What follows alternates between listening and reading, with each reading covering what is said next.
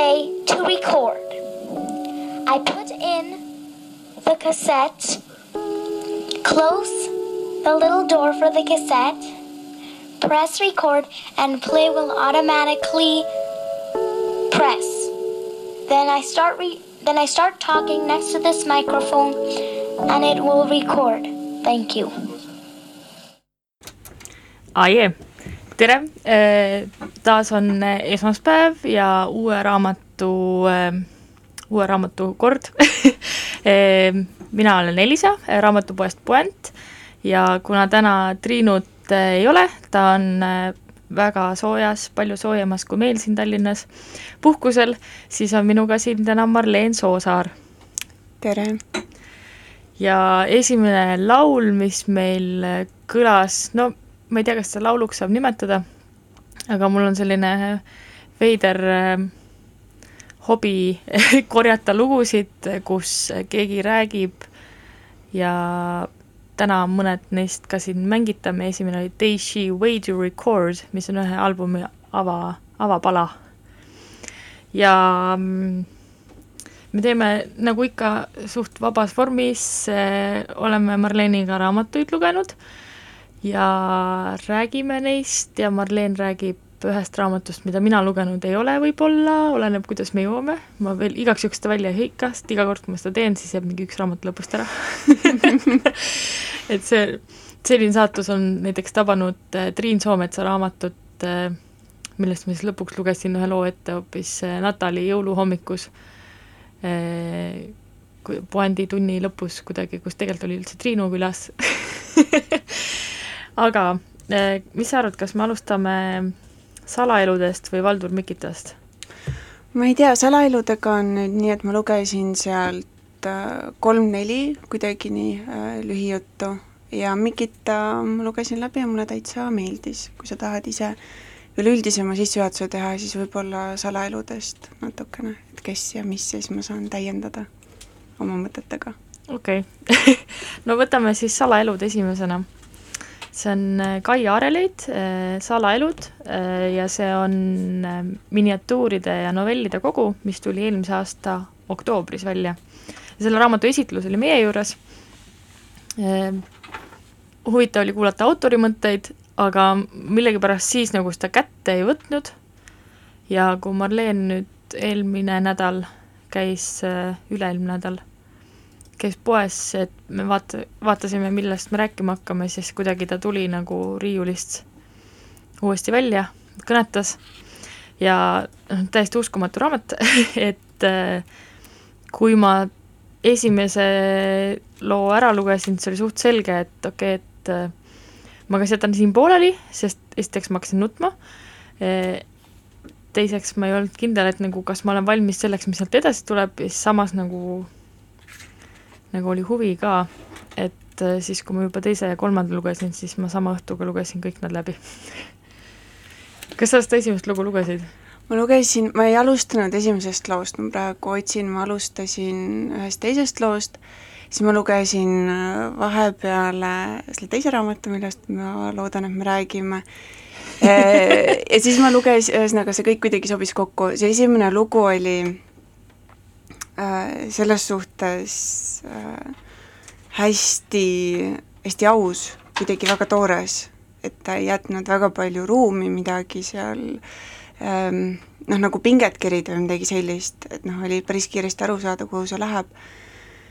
ja natuke selline pisarakiskuja. üldiselt, mis mulle väga meeldib, kuna ma loen vähe äh, lühijutte või novelle mm, -hmm Äh, siis ma alati imetlen neid autoreid, kes oskavad panna kokku niivõrd äh, hästi pakitud lühikesse formaati mingisuguse loo, et ta on terviknarratiiv ja ta, ta räägib äh, kõik ära, mis ma arvan, et see autor tahab öelda, ja, ja niivõrd kompaktselt nii palju tundeid edasi anda, on minu meelest imeline oskus.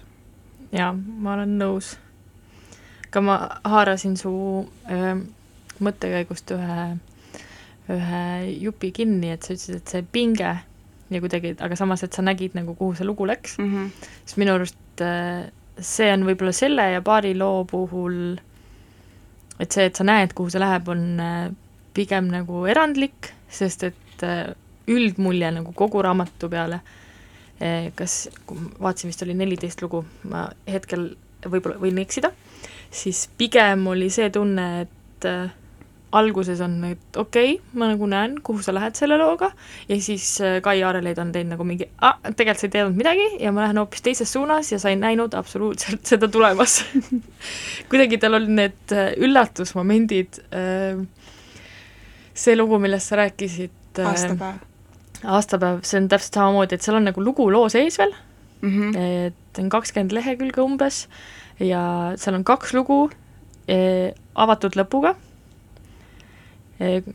jah. see, see oli üks äh, iseloomustav külg vist kõigile neile või mitte päris kõigile, aga jah, see kohe teine äh, lühijutt, mis tal seal oli mm -hmm.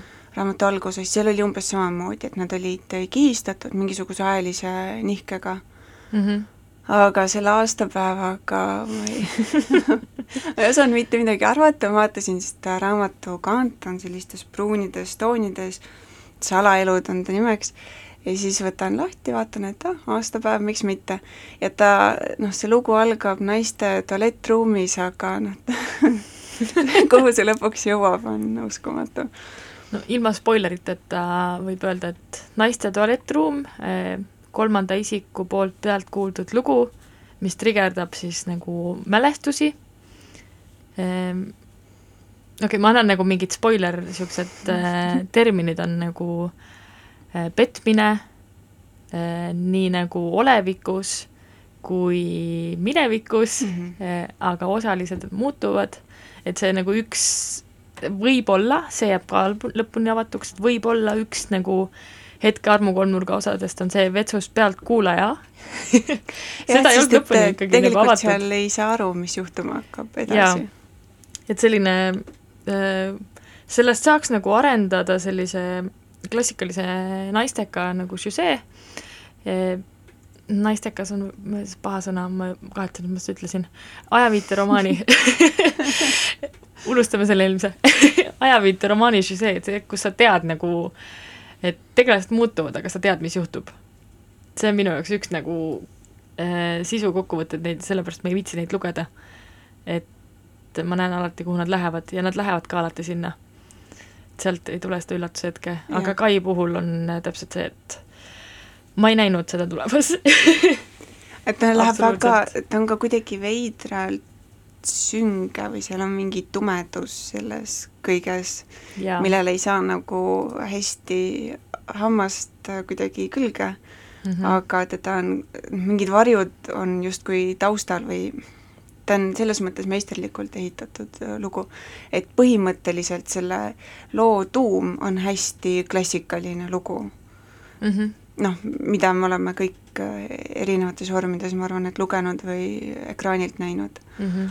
Aga ühesõnaga ähm, kui need teised on sarnast tüüpi, mida ma ei jõudnud lugeda, siis äh, ma kindlasti tahaks lugeda kas see sa lugesid esimesena seda aastapäevalugu mm, -hmm. mina lugesin esimesena seda kõige esimest lugu, mille nimi on Süütus. ja ma lugesin järjest kõiki neid lugusid mm, -hmm. Kuigi see raamat annab võimaluse absoluutselt nagu teha kust iganes lahti, mis iganes tundega ja võib-olla kõrvale panna ja siis jätkata.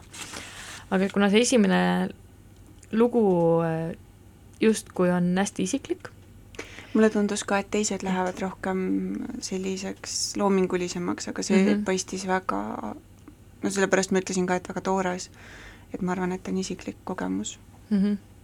minul tänu sellele loole, äh, süütuse loole, äh, jäi nagu kogu raamatuks natukene selline äh, nagu autori enda kohalolu jäi, jäi pidevalt nagu õlal istuma. et mul tekitas küsimusi, kas see on fiktsioon või ta on ise läbi elanud need olukorrad samas mis mulle meeldib selle pealkirja juures, on salaelud, et see nagu, see jätab nii palju ruumi mm, -hmm.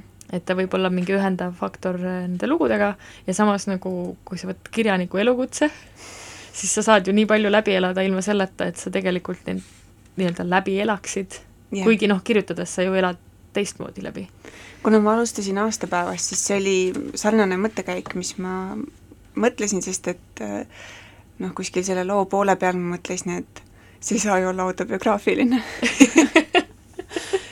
ja seda ma mõt-, seda ma mõtlesin kuni lõpuni välja ja siis äh, kusjuures see raamatu pealkiri Salaelud oli pidevalt äh, mul taustal ja ma mõtlesin sedasama, et äh, ühelt poolt mõnes mõttes sellise ähm, mitmetahulise eksistentsi võimalust, mis meil tänase tehnoloogiaga on võimalik, et me võime konstrueerida endale mitmeid identiteete põhimõtteliselt, kui me tahame. yeah aga ka loomingulise töö puhul on midagi sellist äh, võimalik, et, et autor saab kuidagi kujutleda selle mina-tegelase erinevatesse situatsioonidesse ja mängida veidi laiemalt, kui võib-olla äh, esmaspäevast reedeni üheksast viieni kontoritööd tegev inimene. Siis mul tuleb äh, sellega meelde üks lugu, mis ei ole absoluutselt selle raamatuga seotud, seotud kuidagi. Aga lihtsalt, et see miniatuuri žanr kui selline on nagu eesti kirjanduses minu jaoks on hästi tihedalt seotud Jan Kausi nimega, sest tal on väga head miniatuurid, äh, ma ei ole kirjandusterminites nii pädev, et öelda, et kus on novell ja kus on miniatuur ja kus on lühilugu, mis iganes, äh, kirjutised, mis on lühikesed ja mida ma naudin. Et Jan Kausil on üks lugu, kus, mille nimi on Fänn ja ta kirjeldab äh, iseennast äh, ja Urmas Vadi ja kuidas ta on Urmas Vadi fänn, äh, aga see lugu võtab nii veidrad mõõtmed, kus ta lõpuks on nagu see veider sõber, kes ei lähe kunagi ära, vaid istub tal nagu põõsas akna all. et see nagu, et sa võtadki tegelikult enda tegelaskuju ja siis keerad selle vindi nii peale mm, -hmm. aga see on tehtud nagu noh, teadlikult ja sa saad aru, et okei okay,, et ta vist ei kirjutaks seda, kui see oleks päriselt juhtunud samas ongi kahtlus. Mul oli äh, rõõm näha ka, kuidas äh, Jan luges seda ette meie juures äh, poes ja Urmas Vadi istus ta kõrval. ja siis Urmas, noh, naeris mõnuga. Et see vast ikka ei olnud päriselt sündinud juhtumist, et neid üllatusmomente minu arust ei saa nii hästi teiselda et kui sa nagu ei tea, mis tuleb ja siis tuleb mingi sinu jaoks nii ootamatu ja, ja võib naljakas olukord, siis lihtsalt istud seal ja naudid seda olemist. Kuigi samas see on ka alati erinev, see kogemus, mis on läbi minu silmade, mida keegi teine tajub, et mõnikord äh, tundub enda käitumine äärmiselt ekstreemne, aga kõrvaltvaatajale paistab enam-vähem normaalne. jaa, tõsi. Ehm, kas sa juhtusid lugema seda lugu Fuga? ei. selles raamatus, olgu mm -hmm. siis, ma sellest rohkem ei räägi, sest et ma jätan sulle selle siis endale lugemiseks, sest see, eh, see on lugu, milles ma näen nagu kriminaalromaani potentsiaali, kui see pikemaks kirjutada. väga äge ja seal oli, eh, see on lugu, mis võtab nagu kaks korda pöörded okay.. täiesti teises suunas, sest sa, see ma jäin sõnatuks. et aga ma tahaks äh, tegelikult ette lugeda ka siit raamatust või tahad äkki sina lugeda? seda süütuse lugu ma ei julge, äh, sest see on see esimene lugu siis mm, -hmm. ta on, ta on isiklik ja ilus ja kurb. ja ma ei tea, kas ma ise nagu pärast tahan siis edasi rääkida üldse millestki muust aga see Valge kleit ta on ka kurb lugu, ta on lühike, et ta sobib nagu praegult siia, aga ta loe sina, mulle väga meeldis see. tahad kuulda ma... minu esitusest seda? okei, et äh, see oli, kuna noh, see esimene oli see süütuse lugu, mis veel üks spoiler siia neile, kes kunagi seda lugema hakkavad, siis ei räägi üldse nagu seksuaalsest süütusest, vaid see räägib inimese olemusest ja kuidagi see, kui sult võetakse ära see süütus maailma näha läbi selle roosa klaasi kohati, et see reaalsus nagu kikib sisse ikkagi. sest et ta kirjeldab oma olukorda nagu viieaastaselt, no või võib-olla mitte enda olukorda, endiselt see on lahtine. Aga ma loen siis selle Valge kleidi ja selle puhul mulle tundus ka, et ta räägib ikkagi endast ja oma, oma vanaemast. kuigi ma ei ole, noh, ma ei ole kindel, aga lihtsalt see, mina kujutasin enda vanaema ette, mu vanaema oli absoluutselt teistsugune inimene, aga lihtsalt ikkagi nagu mälestus äh, sellest äh, loost tiivustatuna elustus ja pärast lugemist võib-olla arutame või siis ma panen loo, vaatame, kuidas meeleolu on. no vaatame. jah valge kleit. kui olin väike tüdruk, nurkadeta, pehme ja heledapäine, veetsin pikki õnnelikku aegu vanavanemate juures väikeses Kesk-Eesti linnakeses, mis oli tol ajal rohkem suurküla kui linn. vanaema oli olnud või oli ikka veel poejuhataja aga rohkem mäletan, et ta oskas kokku panna kõige ilusamaid lilleseadeid ja õmmelda. õmmelda kleite ümbruskonna prouadele, sest mamma juures olid nad kõik ikka veel prouad, mitte seltsimehed ega kodanikud. õmmelda kleite endale ja mulle. Minu esimesed kleidid olid prouade kangajääkidest, aga küll need olid kenad. mitte ühegi teise tüdruku kleitidel eh,, kleidid ei olnud nii värvilised ja fantaasiarikkad sest vanaema teadis täpselt, mida mulle vaja on. ta teadis, et peab olema taskuid ja ta kandis alati hoolt selle eest, et voltide vahel oleks kavalasti ära peidetud mõni kommi või kopikatasku. mõnikord tegi ta mulle isegi selliseid kleite, mis nägid välja nagu satsimeri, aga olid tegelikult laiad pihikuga püksid, et ma saaksin koos tädipoja ning tema sõpradega puude otsas ronida ja joosta, joosta. vanaema õpetas mind kleite kandma ja mitte lihtsalt kandma kleite seljas, läbi, ära, vaid ka kleite välja kandma. vanaema ei pidanud eriti jutlusi, vaid kasvatas mind oma toimekate kätega, korralikkusega, eeskujuga. sellega, kuidas ta kõndis, kuidas ta hoidis pead kumaras ja ometi püsti. ja kuidas ta naeratas omaette, kuidagi sissepoole, sest ennekõike oli vanaema mõistatus. ja kuidas ta ise kleite kandis kuidas ta elu kandis. nii et kokkuvõttes õpetas mamma lisaks kleidi kandmisele ka seda, kuidas tiivad kannavad. mul on kapis arvatavasti umbes viiskümmend kleiti, millest suuremat osa ma ei kanna. aga need meenutavad mulle mu enese ja teiste elu, aja hammasrataste vääramatut pöörlemist. ja mõnikord meenutab kirju kleidiriba kapis lihtsalt seda, kuidas aeg venib venib selles mõttes, et kestab edasi ka siis, kui me ise oleme läinud Nende kleitide seas, mis on alles, aga mida ma kunagi ei kanna, on kahvatu roosa siitsatsidega titekleit, milles ristiti mu ema. seal on veel punasetäpiline kleidike, mida on kandnud kolm põlvkonda meie peretüdrukuid. Ja seal on mu enda leerikleit, mis oli tegelikult hoopis peenöösärk, mille va-, Ameerika vanatädi oli oma garderoobist välja visanud ja vaestele Eesti sugulastele saatnud. on meresinine tillukeste valgete lilledega siidkleit korraliku alusseelikuga. selles mäletan oma ema veel noorena. see kleit on klassika, ei lähe kunagi moest, aga kanda ma seda praegu ei saa, sest elu on ka mind väiksemaks teinud. Nende kleitide kohta, mida ma kannan, ei ole teada, missugusel on kunagi piisavalt kaalu, et seda tasuks alles hoida, edasi anda, et sellest võiks saada ajalugu. kõik värvid on kokku üks, valge valge on mälu ja mäletamise värv. valge valgus katab kin-, kunagi kinni kõik mälestused. aga praegu ma veel mäletan. mäletan vanaema soonilisi käsi haiglalinal, tema murdunud naeratust pärast insulti ja ma mäletan ennast, kes ma istun seal abitult ja püüan talle öelda. mamma, ma lähen mehele. mamma, ma ootan last, mul on vaja kleiti, mis kasvaks koos minuga.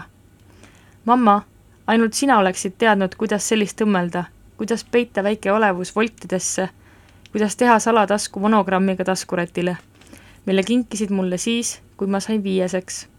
mäletad? ära mine, mamma, palun ära veel mine. Kõik kleidid on kokku üks valge kleit. pulmapäeva hommikul koputas vanaisa mu uksele. värisevate käte vahel hoidis ta karpi. mamma oleks tahtnud, et selle saad sina võta, proovi selga. sa oled nii tema moodi. kas sa teadsid, et ta ootas su isa tookord augustis, kui me abiellusime? viimasel õnnelikul suvel enne sõda. kleit sobis ja on sellest ajast peale alati sobinud, nagu valatult. Ükskõik, kui palju ma olen kasvanud või kahanenud, ükskõik, mis elu on toonud. kirjutatud kahe tuhande viieteistkümnendal aastal. et see on ka üsna raske lugu koos selle esimese looga. jah, mulle kuidagi tundub, et äh, see raamat läheb edasi veidi mängulisemaks, aga ta ja. alustab kuidagi sellisel viisil, et ma arvan, et lugeja jääb äh, mõnes mõttes nagu alasti, noh et sa pead mm -hmm. iseendaga silmitsi olema, enda kogemuste, enda mõtetega. ja natukene enda kogemuste üle mm, võib-olla mõtlema läbi selle mina-tegelase mm. -hmm. ma olen nõus sinu mõtetega. Et see, siit ei tulnud see sisse, aga ma ei mäleta isegi, kas ühest, mõnes teises loos oli ka see, ma kuidagi olen vist erinevad Kai jutud nüüd kokku pannud oma peas. Ma lugesin ta selle luulekogu ka just läbi, et see mamma tegelaskuju ja see Kesk-Eesti väike linn, et seal on nagu mingi, kui mitte nagu see tegelaskuju üld, üldse ei ole nagu tema mamma, siis on mingid fragmendid, sest ta räägib oma luuletustes samamoodi vanaemast, kellele vanaisa luges lugusid ja tema kuulas. ja kuidas alati esimene mari anti vanaemale ja siis alles talle. kuidagi selline hästi ilus äh, armastus, mida ta väiksena kõrvalt nägi. ta kirjeldas seda ja siis mulle tundub, et see mamma kirjeldus võib-olla on samasuguse armastusega kirjutatud. See mõnes mõttes müütiliste vanaemade liin jooksis minu viimase paari nädala äh, raamaturiiulist küll läbi et nii äh, Noora Ikstena ema piimas kui ka üllataval kombel Mikit äh, Eesti looduse kannatuste aastates olid need vanaemad ja. kuidagi väga kohal. jaa, kui sa nüüd ütled, ma ju lugesin ka selle Mikita raamatu läbi, see on tõesti, aga mm, ma paneks ühe loo vahele, aga ma enne veel, kui nüüd keegi kuulas seda äh, salaelude lugu, siis äh, see ei iseloomusta seda raamatut mitte kuidagi see on, see on lihtsalt nii mitmetahuline. ja äh, ma tegelikult kirjutasin Kaile äh,, ma tutvusin temaga sellel samal esitlusõhtul äh,, tegelikult küll varem, aga kuidagi nii, et nagu ma võiks öelda, et me päriselt tutvusime, oli see esitlusõhtu oktoobris. Ja siis nüüd ma julgesin talle kirjutada, et äh, ma ei olnud selleks raamatuks valmis. Ja siis Kai kirjutas vastu, oi, hea või halb? Aga tõesti, see oli super hea. Ja ma kirjutasin talle eile ka, kuna äh, mul oli vaja küsida, kas tal on tütar ja siis ma rääkisin sellest raamatust veel korra äh,. et äh, raamat, milleks võib-olla ei, ei saa valmis olla, oli siis, mis me esimesena käsitlesime, siis me tegelikult en-, pärast seda laulupausi see sobib hästi, see lugu on Hello Lakisha, äh, ka üks lühikene lugu, pajatatud lugu iseenesest. ja siis ma tahaks, et Marleen tutvustaks rohkem ennast ka, sest me, mul kipub ununema see teiste tutvustamine. aga nüüd, kui vaata, sa oled juba natuke nagu rääkinud, siis jääb nagu rohkem võib-olla meelde ka okay. aga teeme ühe loopausi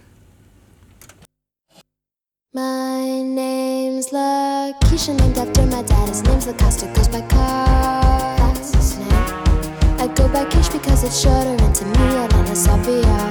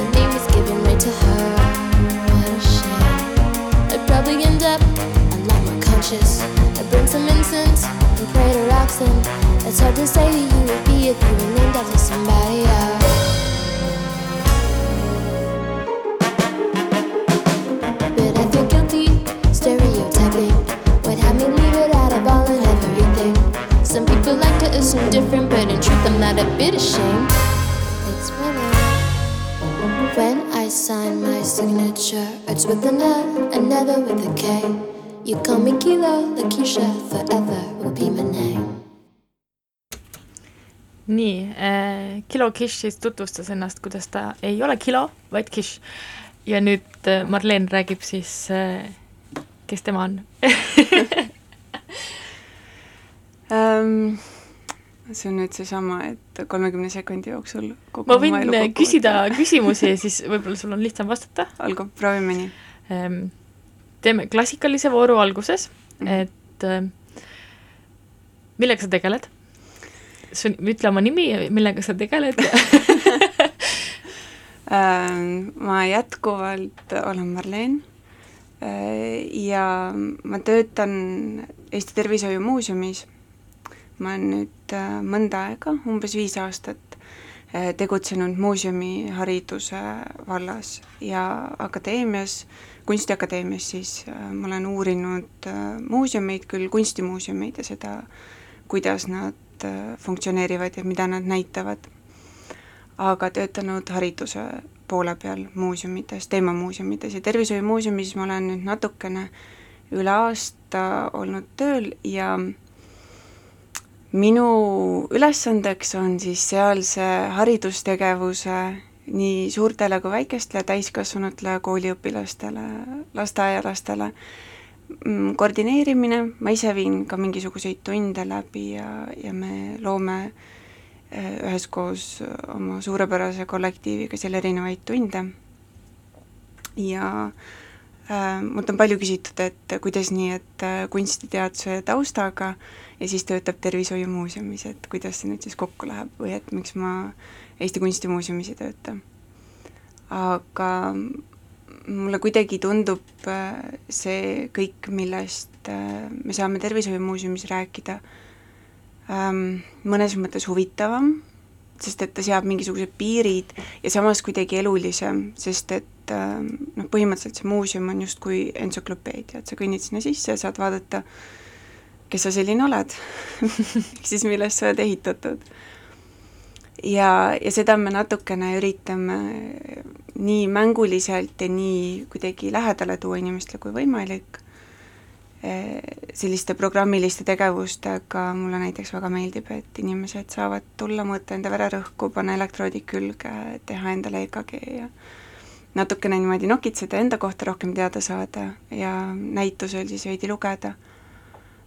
Ja muuseumiharidus sellise valdkonnana on miski, mis on minu meelest hästi kus on väga palju potentsiaali praegu, ta on kiiresti mm -hmm. arenev Eestis ja ta võimaldab äh, ähm, meil pakkuda sel-, me oleme nagu luup mõnes mõttes, et kui kooliharidus on küllaltki lai ja ta annab sellised baasteadmised, siis saavad õpilased käia meie juures tundides ja nagu zoom ida sisse mingisse kitsamasse teemasse.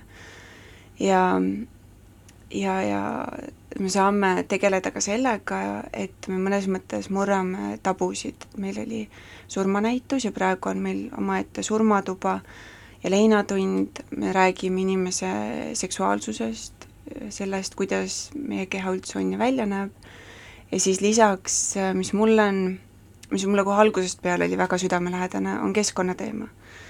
kuna inimest ja keskkonda nähakse sageli mõnes mõttes kas vastandlikuna või, või kuidagi inimene on keskkonnast väljaspool ja hävitab seda, ökoloogilisest keskkonnast siis mm. -hmm äh, siis me üritame jõuda koos õpilastega selleni, et äh, me elame siin keset seda ökoloogilist keskkonda ja see on ainuke koht, mis meid ära toidab päeva lõpuks. nii et kui me seda ei hoia, siis on meiega halvasti, sisuliselt kõik, mis peaks olema inimese tervisele hea, on ka ökoloogilisele keskkonnale äh, vähemalt mitte ohtlik. See oli mu telefon, ma väga vabandan. Ma ei teadnud, et ta mul hakkab arvutis ka helisema ma tegelikult, äh, see sinu töökirjeldus on väga hea sissejuhatus ka meie järgmisele raamatule, mida me võiksime siis käsitleda, aga ma tahaks enne ikkagi sinu kohta veel et, et oleks nagu lõbus äh, vahepala, siis võib-olla sa vihkad mind pärast seda küsimust. Kui sa ei ole sellele mõelnud, siis tekib see paus ikkagi. Okay.. kui sa oleksid loom, siis mis loom sa oleksid ja miks? Kusjuures ma olen sellele mõelnud. Ähm,. ma olen sellele mõelnud sellepärast, et mul oli mitte väga ammu üks vaidlus, kus üks mu lähedane inimene ütles, et ähm, meenutan talle laisklooma. Ja see tekitas minus väga palju negatiivseid tundeid. Ja siis ma mõtlesin, et äh, miks küll, sest et noh, mul tuli tead küll see multikas meelde, see animatsioon, täispikk animatsioon, kus need äh, laiskloomad töötavad äh, meie mõistes siis argis autoregistri keskuses, kus nad peaksid neid juhilube välja andma mul ei tule selle filmi nimi meelde, ja siis üks jänes, kes on hästi energiline, üritab sealt nagu oma lube kätte saada ja see laiskloom on maailma kõige aeglasem inimene. ma ei tea, kas ma seda kogu, kui pikk see täispikk on, aga ma olen seda stseeni nagu näinud et selles suhtes ma ei olegi vist täispikana näinud teda kontekstis. ja siis kusjuures füüsiliselt võib-olla natuke sarnasega, sarnase loomaga, mind on võrreldud saarmaga, et huvitav ähm, ma mäletan, mu ema kunagi arvutas välja ja seal on mingi värk, kuidas sa saad teada, milline loom sa indiaani horoskoobi järgi oleksid ja sealt tuli saarmas. ma olin päris väike. ja siis ma natukene uurisin saarmate kohta, see oli väga huvitav kõik, ja siis äh, üks mu sõbranna ütles mulle, me olime ujumas kuskil suvel, ja siis ta ütles, et sa oled vees nagu saarmas. see oli nii, see oli väga suur kompliment väga hea nii et äh, ma ei oska öelda, kellena ma iseennast näen, aga nähtavasti teised on mind loomana näinud. ja siis sa oled mõjutatud nende arvamusest nüüd no, no sest, et sa tõid need no, esimesena välja, mitte see, mis sa ise tunned. ma ei tea, kellena ma ennast tunnen. ma olen mõelnud selle peale ka natukene, äh, tulenevalt äh, visuaalkultuuri uuringutest, et me anname loomadele mõnikord inimeste omadusi mm. -hmm ja see on natukene vägivaldne või noh, mitte vägivaldne, võib-olla natukene liiga tugev sõna, aga ma saan aru, mis sa mõtled. ma isegi julgeks öelda vägivaldne. nojah. mitte nagu kätega kallale vägivaldne, vaid just nagu see vaimselt nagu peale surutud mingi ja. aspekt. mulle meeldivad lõvid, aga ei, mul ei ole selliseid hambaid, ma ei tea mine tea, sest et lõvi ju no seal on nagu see nälja aspekt ja siis on see, et kui kui teine ikkagi tuleb sinu territooriumile eksima, eks ole no.. ei no see, kuidas nad töötavad, äh, need äh, praidid ja kuidas nad omavahel oskavad äh, oma kohustusi jagada ja kes käib äh, toitu hankimas, emalõvide puhul siis just mm, -hmm. nende elukorraldus on väga inspireeriv ah,. huvitav, mul tuli just millegipärast isalõvi meelde, ma ei tea, miks ma, ma jätsin emalõvid täiesti kõrvale sest ma kujutasin ette, sest ei mõtle ma nagu see isalõvide nagu see territooriumi mm, territooriumile kehtestamine ja siis ma seal nagu sind ei näinud, sest et sa oled pigem nagu sõnaga vaatad, et okei okay,, siin ei ole nagu mõtet ke keksida kui sa näed, et sul vastas inimene, kes nagunii mõistusega seda asja ei võta igaüks, igaüks võib jääda, ma arvan, oma tõdede juurde. jaa.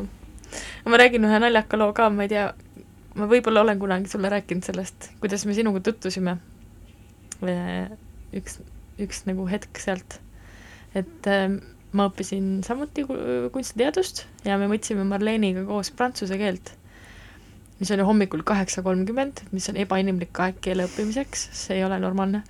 Äh, väga äge õpetaja oli, äh, tunnen siiamaani ees süümepiinu, et ma väga tihti sinna lõpuks ikkagi ei jõudnud, sest et see oli väga vara no alguses jõudsin ja siis, kui läks halvasti juba, siis ma jõudsin vähem, sest et ma ei tahtnud ennast hommikul sellega piinata. aga Marlenil oli alati väga hästi sellega, ta kuidagi äh, sai väga hästi hakkama ja ta mõistis mingeid asju paremini. Siis mulle üldse ei meeldinud see, kuidas ta mõistis asju palju paremini kui mina.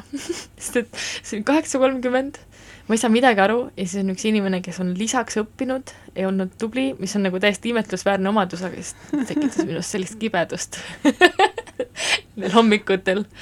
aga õnneks äh, inimesed on ka õpivõimelised äh, ja saavad üle oma probleemidest, mis on nende probleemid ma olin äärmiselt motiveeritud ka erinevatel põhjustel.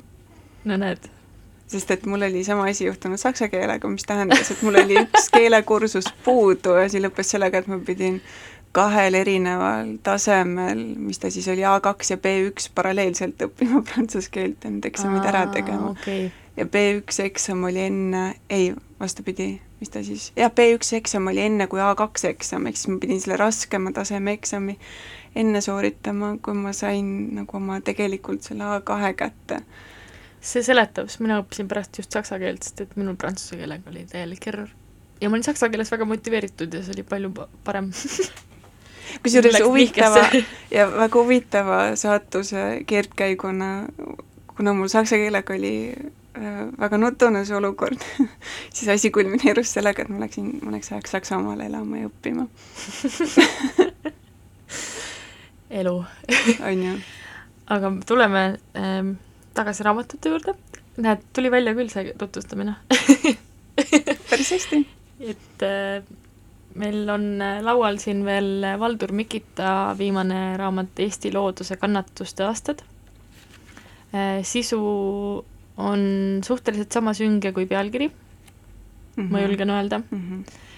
ja siin raamatu taga on äh, kirjas, et äh, see raamat on Läänemere soomlase viimane karje uue maailmakorra künnisel minu meelest peaksime tegema kahte asja, säilitama indiaanlase väärikuse ja minema oma kavatsustes lõpuni. Need olid siis Valdur Mikita sõnad. Äh,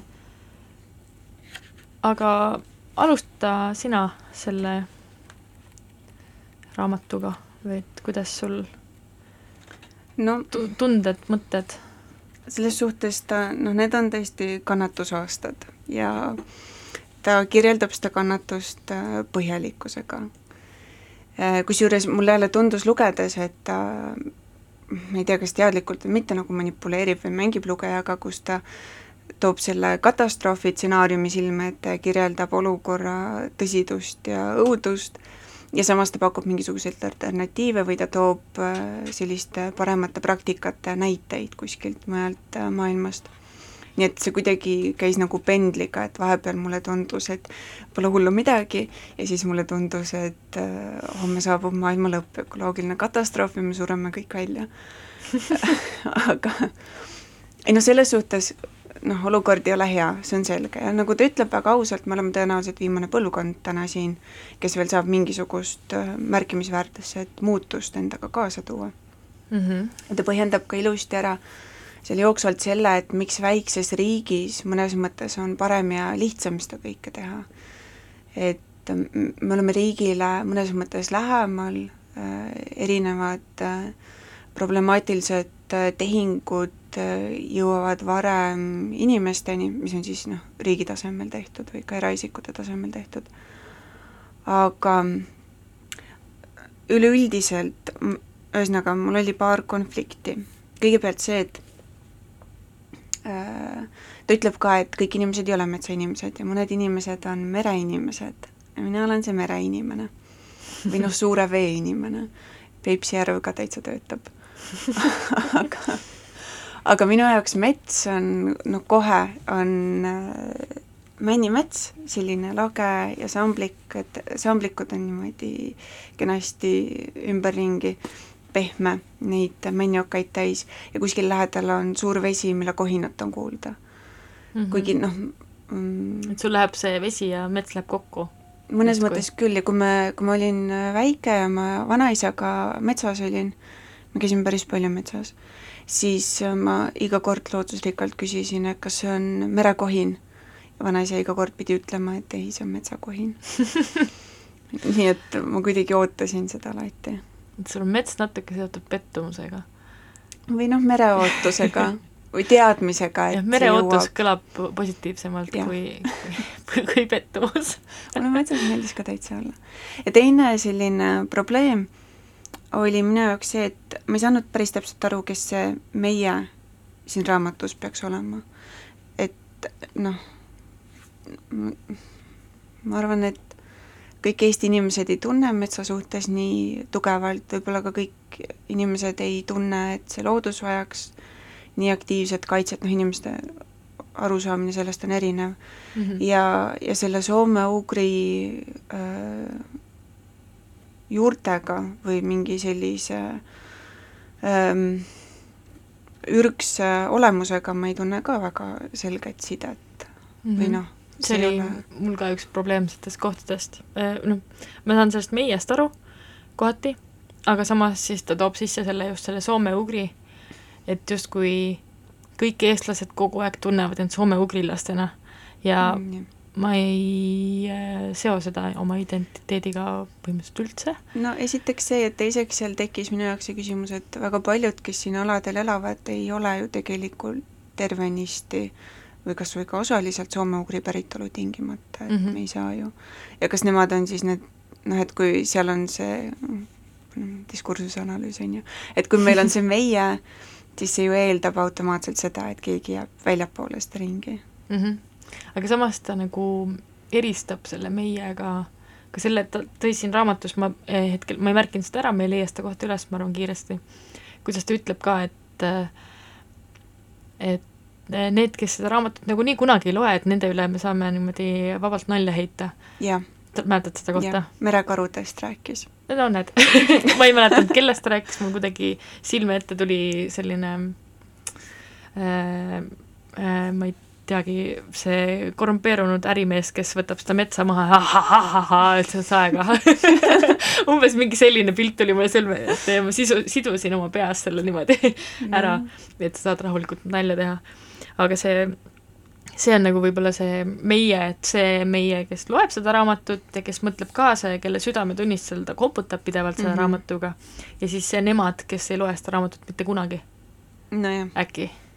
noh, see on see, et äh, külapastor peab jutlust kogukonnale. Mis on minul mõnikord töö juures, mul on täpselt sama tunne, kui ma neid keskkonnatunde teen mm. -hmm. et mulle tundub, et need õpilased, kes ei huvitu sellest, nendesse läheb suure kaarega mööda ja kes on väga juba teemas, siis noh, nad, nad juba on teemas Mhm.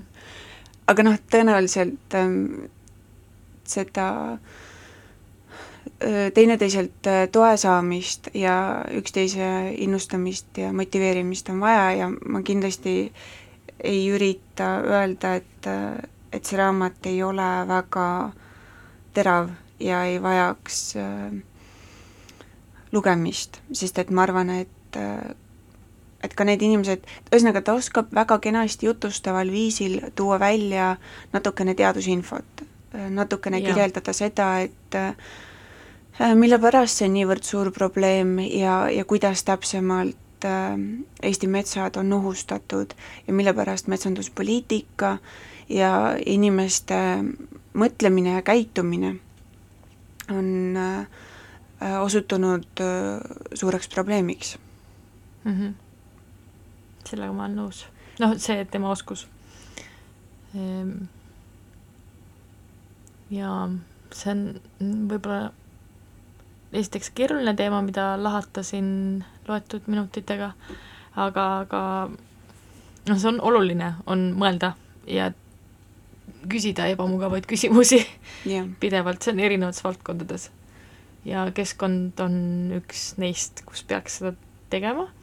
Ja äh, ma märkisin ära ühe koha siin äh, raamatus äh,, mis mind ajas naerma. Äh, mis selle, selle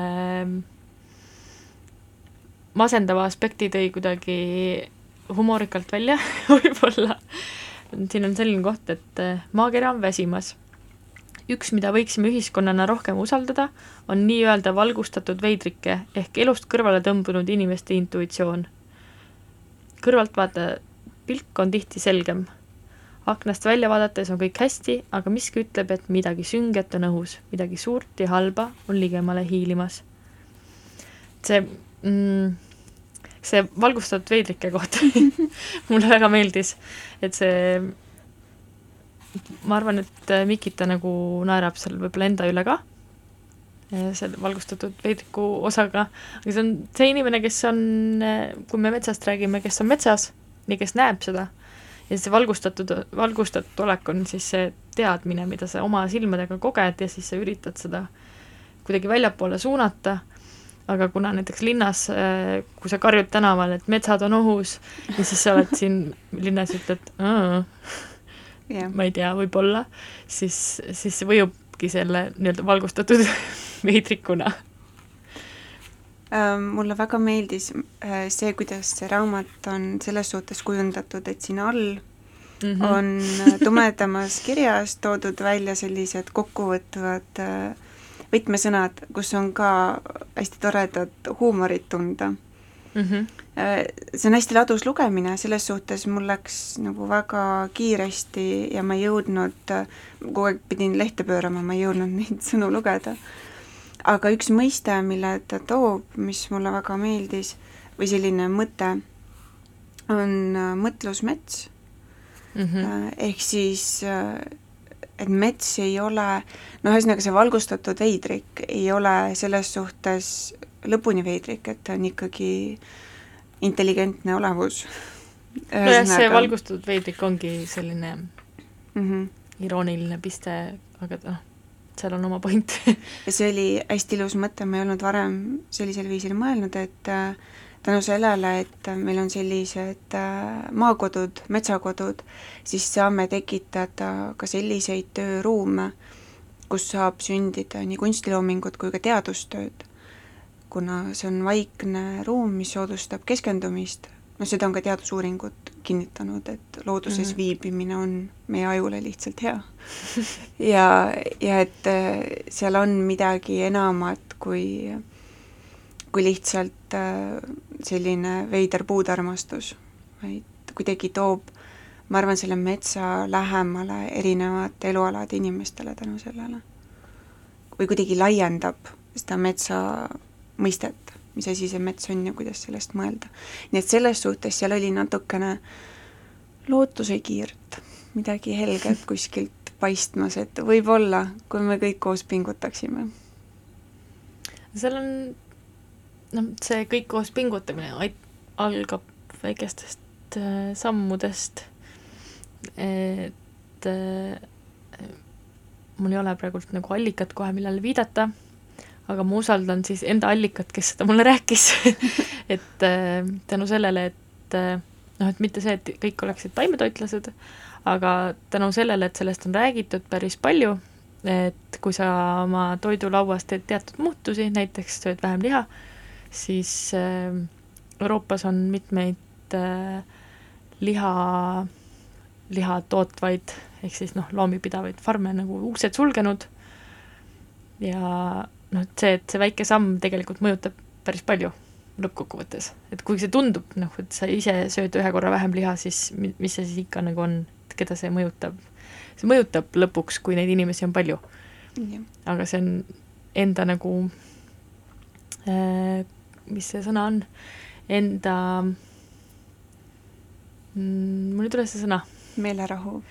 ei, see ei olnud üldse see no see, et sa vahet ei ole, mul ei tule, mul läks ingliskeelne ka peast ära, nüüd mul läks sassi kõik. Ühesõnaga see eneseveenmine selle juures. Okay.. et sinu, sinu sammudest oleneb midagi. jaa, nojah, ma mõtlesingi selle meelerahu all silmas või noh, ühesõnaga mõnikord on selline tunne, et on kõik hästi halvasti ja siis peab tegema midagi. Ja, ja kui see miski tähendab seda, et see on hästi väike muutus isiklikus elurütmis, aga ta juba annab mingit kindlust või tuge, siis ta ju vähendab natukene ka seda ärevust, mis meie sees on mm. -hmm. mõnel suurem, mõnel väiksem. tõsi. et ma arvan, et see on ka midagi väärt. teeme ühe laulupausi teeme ühe laulupausi. mul on üks see pajatuslugu siin veel vahel mis on taaskord natuke veider. ja mis läheb kokku meie selle olukorraga, kui mul telefon siin helises vahepeal, sest selle loo nimi on I'll call you back aga see on Erika Padu ja I'll call you back.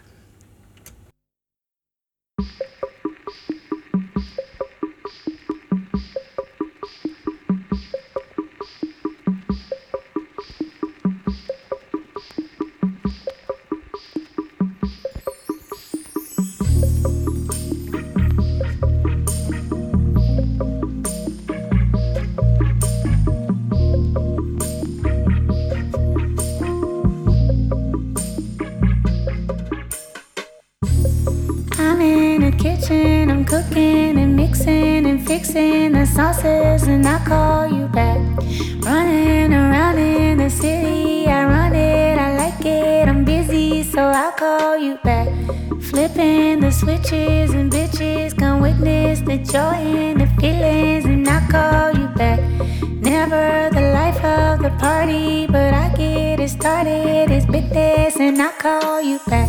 It's business, it's business. It's business, it's business, and I call you back. It's business, it's business. It's business, it's business, and I call you back. It's business, it's business. It's business, it's business, and I call you back. It's business, it's business. It's business, it's business, and I call you back,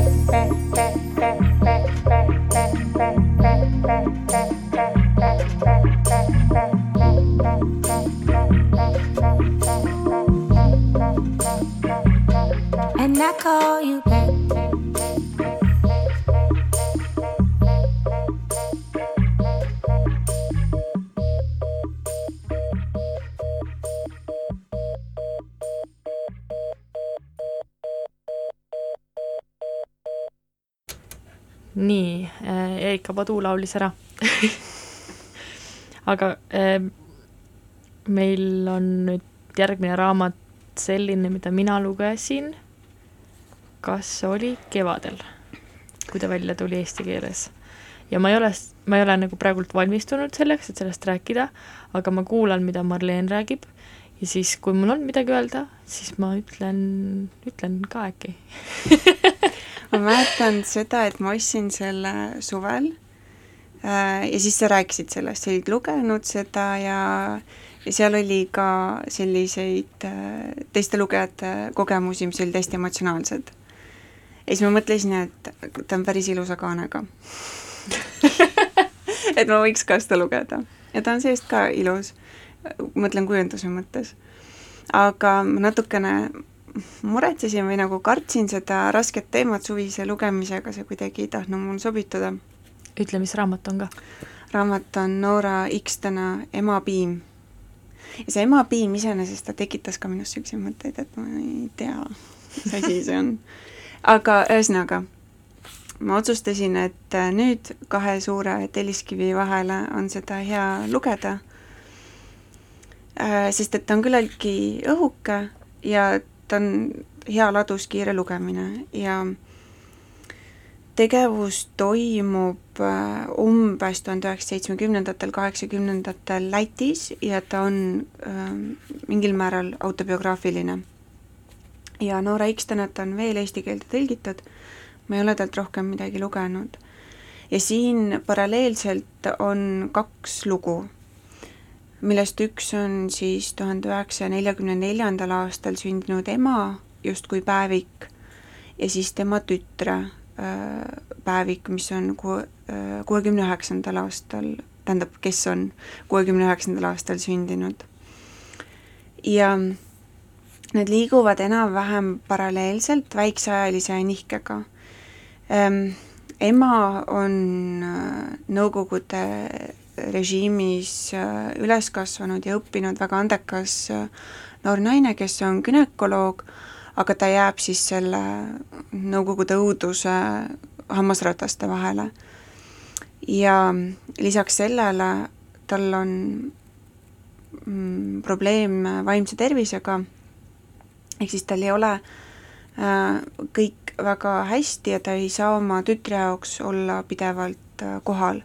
ja tütar siis ju, kes on kuuekümne üheksandal aastal sündinud, ehk siis keset seda Nõukogude aega, äh, kirjeldab siis oma igapäeva ja ta elab äh, koos oma ema-ema ja ema kasuisaga. ja huvitav on just see, et ainsad tegelased või noh, keda nagu nimetatakse, on kasuisa, ema, ema-ema ja siis ähm, veel kaks naist, kellest üks on äh, ema patsient ja teine on Jesse. kohe räägin Jessest natuke lähemalt, miks ta nii väga mulle meeldis.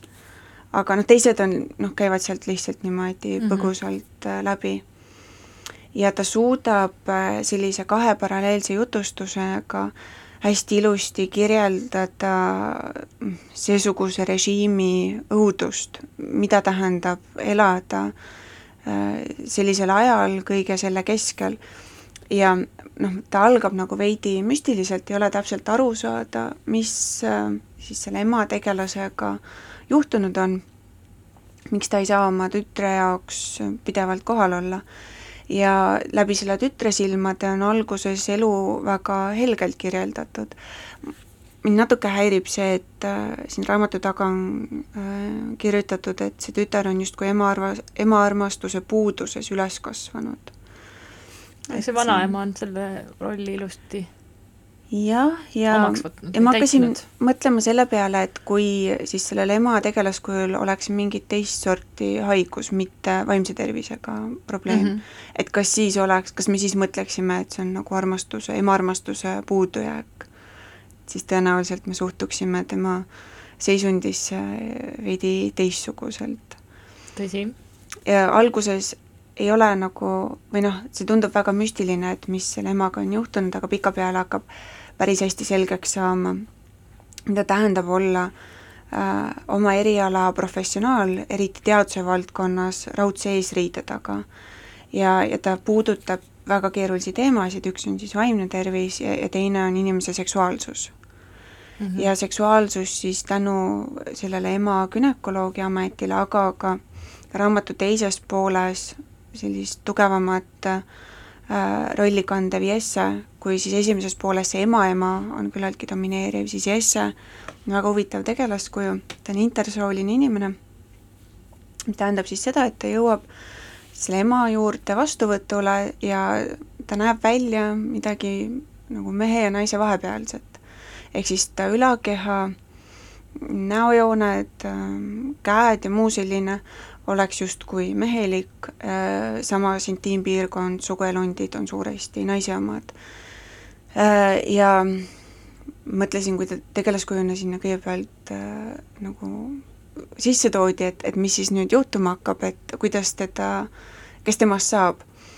aga ta jäi väga tugevaks toeks äh, hiljem siis sellele emale äh, ja nad moodustasid äh, mõnes mõttes sellise perekonna mm, -hmm. see oli väga tugev sõprussuhe, mis tekkis Jesse, tütre ja ema vahel ja, ja tema selline vaimne kohalolu, tugevus ja mõnes mõttes selline kahe jalaga maa peal olemine oli väga imeline, et ta oli tegelaskujuna rohkem kui lihtsalt äh, Äh, noh, mingisugune teaduslik äh, kurioosum või, või midagi huvitavat. jah, see nagu hiljem ju sisse ei tulnudki rohkem ju, ta oligi nagu ta oli lihtsalt inimene. ta oli inimene, ta oli olemas äh, alati, kui oli vaja, emal enamasti. ja ta suutis ikkagi väga palju toetada mm -hmm. äh, ema siis mm. -hmm. see ei jõua väga palju selle, sellesse nüüd süübida ka rohkem. aga see, seal on veel oluline faktor, on see, et see tüdruk, ehk siis Noora tõenäoliselt ise, autor, elas alguses eh, linnas yeah. Eh, oma vanaema juures ja hiljem maal suhteliselt eraldatud olekus oma emaga koos siis, kes oli siis haige, haige.. jah, haigushood olid järjest tihedamad. ja kes nagu ise ei tunnistanud seda, et tal midagi viga oleks enamasti? tead, ma arvan, et arstina ta pidi ikkagi mingil määral mõistma seda, aga ta ilmselt mm -hmm. teadis ka, mida see ravi tähendas selles, selles ajas mm, -hmm. Noh see... no kuna ta ise oli uuenduslik arst, siis äh, ta ju nägi, kuidas teda välja heideti ja. sellest kogukonnast, arstide ringist. aga meil on nüüd äh, kakskümmend sekundit ma teen kiire kokkuvõtte, et äh, uus raamat, nüüd siis kuu viimane esmaspäev, täna oli külas Marleen Soosaar, aitäh sulle! Ja ma ei hakka veel välja hõikama, aga järgmine saade on minu ja Triinu asemel kaks kirjanikku, kes on väga ägedad ja kellest kuulete siis täpsemalt järgmisel kuul, kakskümmend kuus, kakskümmend viis, kakskümmend viis vist on esmaspäev. kakskümmend kuus, kakskümmend viis. ühesõnaga, veebruarikuu viimane esmaspäev on siin järgmine uus raamat. tšau!